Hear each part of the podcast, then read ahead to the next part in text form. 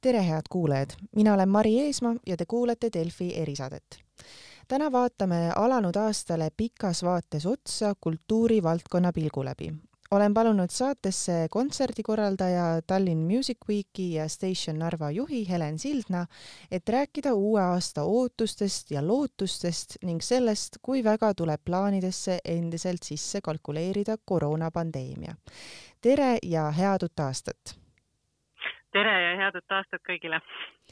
no kuidas lähete teie kui kontserdikorraldaja nüüd sellele uuele aastale vastu, millised on siis teie ootused ja lootused?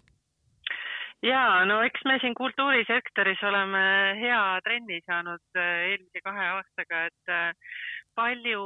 vastupidavust ja uusi lahendusi ja, ja nutikaid uusi viise, kuidas ikkagi sündmused saaksid toimuda et äh, noh, ma pigem vist ütleks, et Eesti on olnud selles osas üldse äh, nagu hea näide, et me oleme üllatavalt hästi suutnud oma kultuurisündmused avatuna hoida ja noh, ma, ma tahaks ka öelda, et äh, et respekt valitsusele, et see otsus hoida riik avatuna on nüüd läbinud ka seda seda uut äh, viiruslainet. et selles mõttes ühest küljest ähm, positiivselt ikka vaatame uude aastasse ja ma usun, et festivalid saavad kindlasti toimuda, aga noh, samas eks äh, loomulikult teeb muret äh, see, et see uus omikroni tüvi ikkagi rahvusvahelisele reisimisele ja rahvusvahelistele sündmustele nagu on ikkagi jälle uut sellist nagu lööki andmas, et et paratamatult meeldib see meile või ei meeldi, et Eestis toimuvat mõjutab väga selgelt kõik see ikkagi, mis toimub ka mujal riikides. eriti kui me räägime rahvusvahelistest tuuridest äh,, välisartistide siia jõudmisest, et äh, ma, ma väga tahaks loota, et me ikkagi kasutaks paremini neid teadmisi, mida me kahe aasta jooksul oleme saanud ja, ja õppinud no me tuleme nende välisartistide juurde natuke hiljem tagasi, aga Te ütlesite, et eelnevad kaks aastat äh, on kultuurivaldkonda õpetanud, on äh, uued nipid ja trikid, kuidas selle asjaga toime tulla. kas te oskate äkki midagi konkreetselt ka välja tuua, mida, mida te olete nii-öelda kõrva taha pandud, pannud? jaa, no eks, äh, eks me kõik ühest küljest oleme harjunud nüüd nagu Äh, vaatama korraga nii sellist pikka plaani kui ka lühikest plaani ja oleme väga valmis äh, kiireid muudatusi tegema, et noh, see on selline paratamatus, aga noh, eks see, see nõuab tegelikult äh, meie valdkonna meeskondadelt ja tiimidelt sellist nagu tohutut pühendumist ja ja, ja e-, ekstra pingutust, et eks meie valdkonna inimesed on mingis mõttes ka, ka väsinud muidu eile just äh, Piletilevi, kes on siis Eesti üks äh, juhtivaid piletimüügivõrgustikke, oma aasta uudiskirjas avaldas sellise huvitava statistika ka, et äh, noh, kui me ju teame seda, et ülemaailmselt see on just noh, uuringud kõik seda näitavad, et see on nagu väga selgepiiriliselt tõestatud, et just turism ja kultuurisektor on see, mis on saanud suurema löögi. Siis noh, Piletilevi statistika eile näitas seda, et kui aastal kaks tuhat üheksateist müüdi Eestis äh, kaks koma üks miljonit piletit kultuurisündmustele, see ei ole nüüd siis nagu rahaline tulu, vaid see on konkreetselt nagu müüdud piletite hulk, kaks koma üks miljonit, siis ähm, möödunud aastal jäi see kaheksasaja kaheksakümne viie tuhande pääsmeni. see tähendab seda, et eh, noh, ikkagi pileteid on müüdud viiskümmend kaheksa protsenti vähem kultuurisündmustele. Eh, nii et noh, päris nii ei saa jah öelda, et, et kõik on hästi, et kultuurisektor elab eh, kenasti siin edasi, et, et loomulikult see valdkond on kah suuri kahjusid kandnud. Aga, aga ma noh, olen küll väga uhke tegelikult tõesti meie tegijate üle, olgu see muusikas, filmis, teatris, muuseumites või mujal, et et, et, et ma, ma tõesti müts maha, et ma näen, et selles valdkonnas töötavad nagu nii südamega pühendunud inimesed, et sellisel hetkel hoida oma meeskondi koos ja motiveerida ikka uuesti äh, küll tegelema pahurate klientidega küll eh, hoidma kulusid kokku, aga pakkuma ikkagi nagu kvaliteetset eh, programmi ja inimestele ka nii-öelda sellised äh, kultuuri näol vaimse tervise tuge, et äh, see lihtne ei ole kindlasti. Te, te mainisite seda, et meeskonna kooshoidmine ei ole just kõige lihtsam ja inimesed on väsinud sellest. kui palju on teie tutvusringkonnas kultuurivaldkonnas töötavaid inimesi, kes on nüüd selle koroonapandeemia tõttu ikkagi loobunud oma tööst ja eriala vahetanud? No ma nüüd noh, statistikat ei näe, aga ma üksikuid näiteid ikkagi siit-sealt näen ja, ja noh, samas näen ka selliseid suuremaid, suuremaid muutusi, kus noh, tegelikult mõned püsitiimid ka lagunevad ja mõned festivalid, mis on plaanitud noh, jäetaksegi ära, et et igasuguseid protsesse me näeme, sest et noh, isegi kui on võimalik inimestele veel nii-öelda nagu palka maksta, siis ega see on nagu väga raske töötada valdkonnas, kus sa, kus sul on nagu lõputu pidev teadmatus äh, selle eest, mis saab äh, nii-öelda järgmisel aastal või järgmisel kuul või, või, või nii, et äh, noh, ühest hetkest noh, me näeme ju tegelikult päris selgelt seda mõju inimeste vaimsele tervisele, et noh, mis võib-olla nagu kõige ehmatavam on see, et aina sagedasi, sagedasemad on ka uudised, kus me kuuleme, et sellised noored täiskasvanud inimesed äh, nii-öelda teevad lausa enesetappe, et et see, see on mõju avaldanud meie ühiskonnale ja noh, seetõttu ma pean seda väga oluliseks, et ikkagi riik äh, suudaks vaadata nii-öelda teemade sisse, et jah, meie riik on otsustanud, et äh, ühiskond on avatuna ja selle eesmärk on loomulikult see, et äh, elutegevus saaks võimalikult normaalselt jätkuda, et lapsed saaksid käia koolis ja et ka kultuurisündmused toimuksid. aga noh, on ka päris selge, et on mõned sektorid, kes on saanud selles kriisis nagu väga selgelt lüüa ja on tegelikult ka mõned sektorid, kellel läinud just võib-olla nagu ka paremini, et olgu see, ma ei tea, online poed või, või, või digitaalsed teenused. et seetõttu ma ikkagi usun, et see on äh, riigi kohustus ja vastutus äh, kanda hoolt nende sektorite eest, kes äh, kannatavad. et, et see kriis ei ole ju tegelikult ühiskonda nii-öelda nagu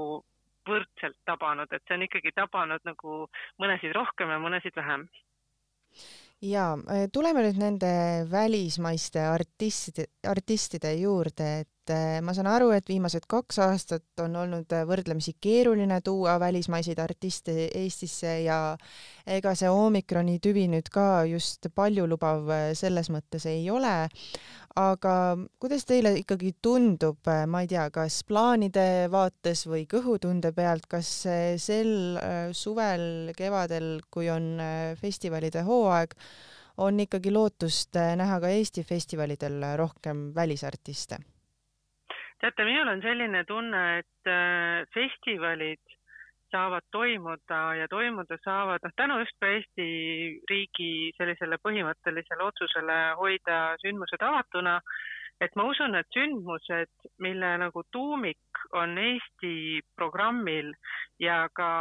artiste välisriikidest äh, nii-öelda book itakse või siis äh, broneeritakse noh, niimoodi nagu konkreetsete juhtumitena, et ma usun, et need sündmused on mõnes mõttes nagu lihtsamini või noh, riskivabamad selles mõttes, kui on väga konkreetselt äh, rahvusvahelistest tuuridest sõltuvad nagu välisartistide kontserdid. Et noh, võib-olla kõige hirmutavam ongi vaadata seda, mis omikroniga juhtus, et äh, nii kiirelt taas riigid sulgusid ja noh, mõnes mõttes nagu isegi uskumatu vaadata, et äh, et see usk, et kui me jätame lennud ära ja sulgeme riigid, et siis me arvame, et see viirustüvi ei pääse nagu järgmistesse riikidesse liikuma, et see tundub nagu lausa uskumatu, et me oleme taas niimoodi käitunud ühiskondadena. Aga ma arvan jah, et äh, riskantsed on kõik need programmid, mis sõltuvad väga laiadest rahvusvahelistest tuuridest, sest meil ei ole ju absoluutselt kontrolli selle all, mida teevad meie naaberriigid või ülejäänud Euroopa või ülejäänud maailm. et seega kõik, mida me saame otsustada siin Eestis ja rääkida läbi siin kohapeal oma erinevate instantside, ministeeriumite, Terviseametiga ja ikkagi jälle jälle leida neid lahendusi, kuidas turvaliselt sündmusi korraldada, et ma arvan, et seda kõike me saame teha,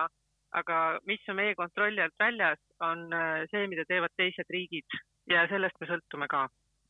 Nii et äh, ma saan aru teie vastusest, et äh, välisartistide teemaline planeerimine on siiski veel võrdlemisi ebakindel?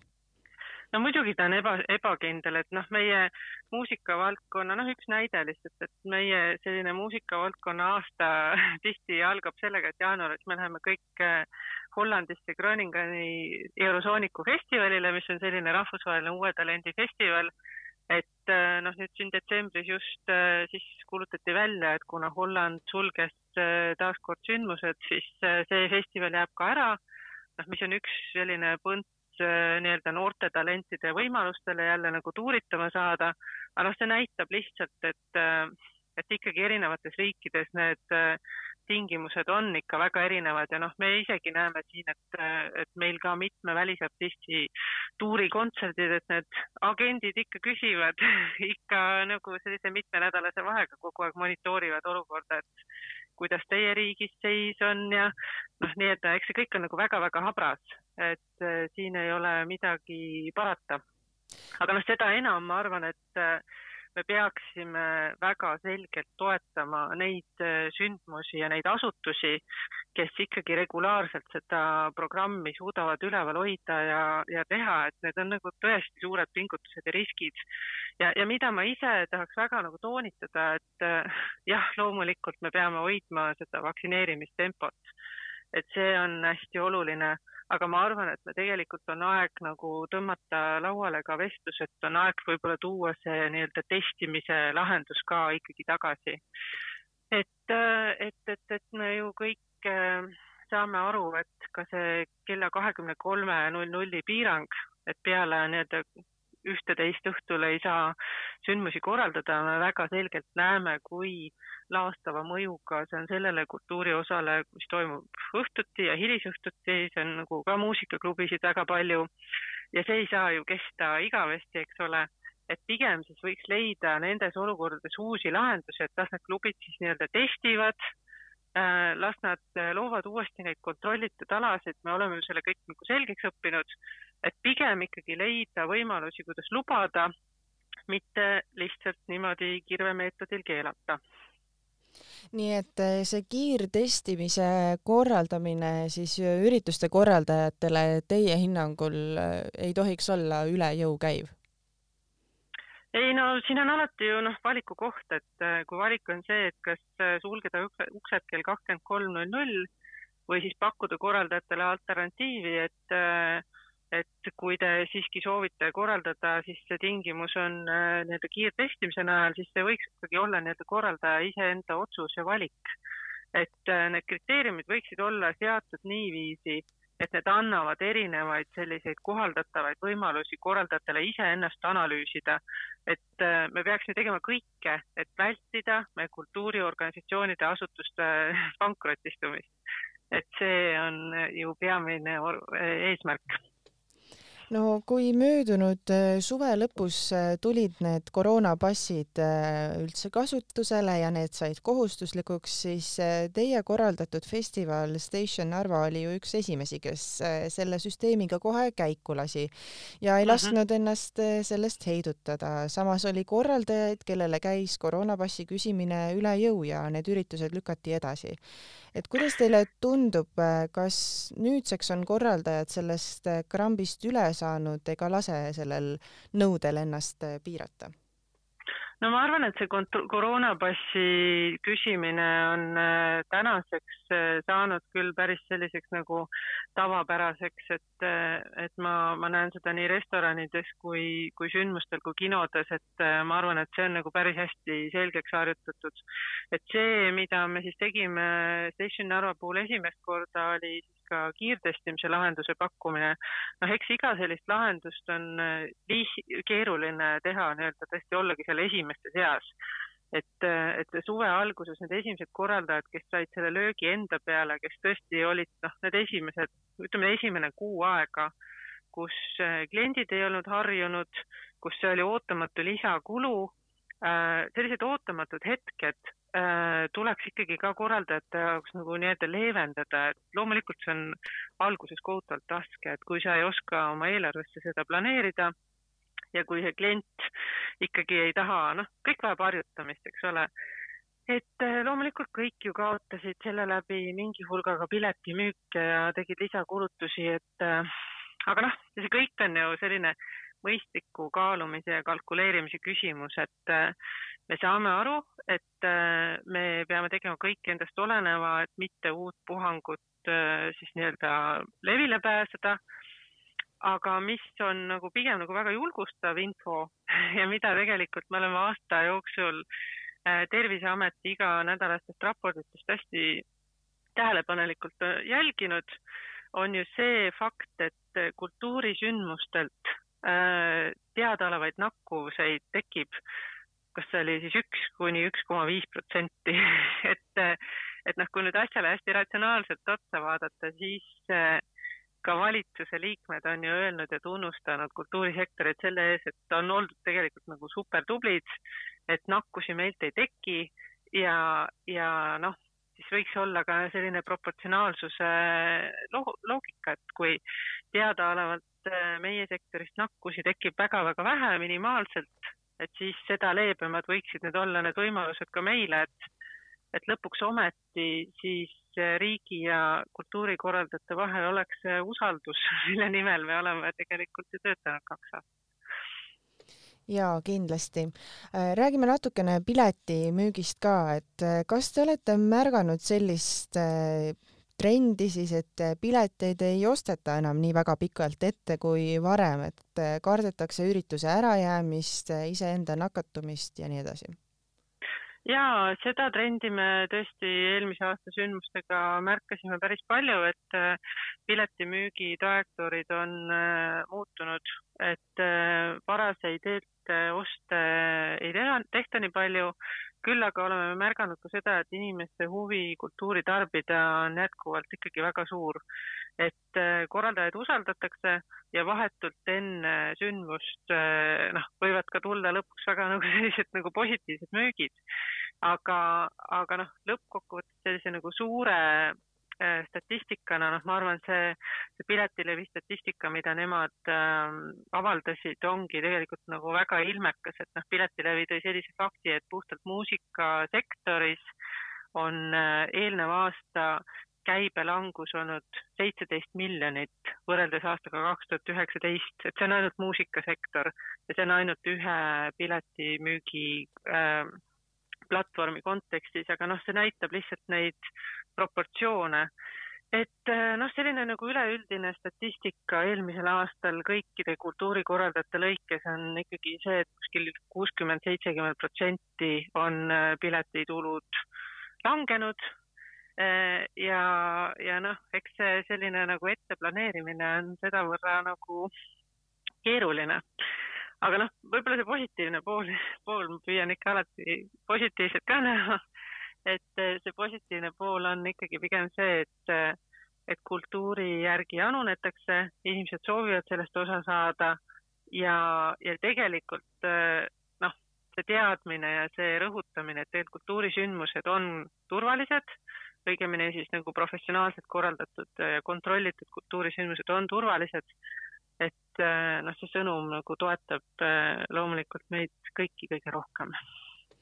ja lõpetuseks, äh, kui nüüd vaadatagi siis eelolevale aastale otsa, siis mida te ütleksite inimestele, kas te julgustate neid ikkagi suveks festivalipileteid ostma? et kas, kas ja. on lootust saada nii-öelda täisväärtuslikku festivaliprogrammi? Ja ma kindlasti julgustaksin ikkagi loomulikult pileteid ostma. Ja, ja noh, selles mõttes tõesti tuleb uhke olla Eesti üle, et, et ma usun, et meil on sündmuste korraldamisega paremini kui võib-olla meie, meie naaberriikides isegi, et, et mida ma ütleks küll kultuuritarbijatele, on see, et et see, see, need kaks aastat on pannud kultuurikorraldajaid hästi kriitiliselt nagu ise hindama ka, et millist väärtust me pakume nii-öelda ühiskonnale. et eh, noh, paradoksaalselt ma näen, et nii teatris kui muusikavaldkonnas kui muuseumites, et see nagu kvaliteet, mida me pakume Eesti inimestele, kes tulevad siis saalidesse, see kvaliteet tegelikult tõuseb iga aastaga ja see kvaliteet tõuseb ka nii-öelda nagu koroona ajal, et et olgu see kasvõi noh, meie suurfestivalid, noh, PÖFF siin tähistas kahekümne viie aastast juubelit, eks ole, Jazzcar on üle kolmekümne aasta tegutsenud, äh, Viljandi folk eks ole, kõik need tegijad, aga noh, samas ka meie ägedad muuseumid ja noh, fantast teatrietendusi, mis on nagu viimasel aast-, viimasel aastal ju toimunud, et et see, see on selles mõttes nagu selline kõige liigutavam hetk, et ka nii kehval ajal tegelikult pakutakse super head kvaliteeti ja noh, selles nagu programmis alla ei anta ja allahindlusi ei tehta, et et see on nagu ilus asi ja ma loodan, et publik tunnustab seda piletiostuga küll no selle sooviga on kindlasti hea uuele aastale vastu minna. aitäh, Helen Sild, Sildna selle intervjuu eest ja head kuulajaid, aitäh, et kuulasite ja kuulmiseni! ja aitäh teile ja ilusat aastat!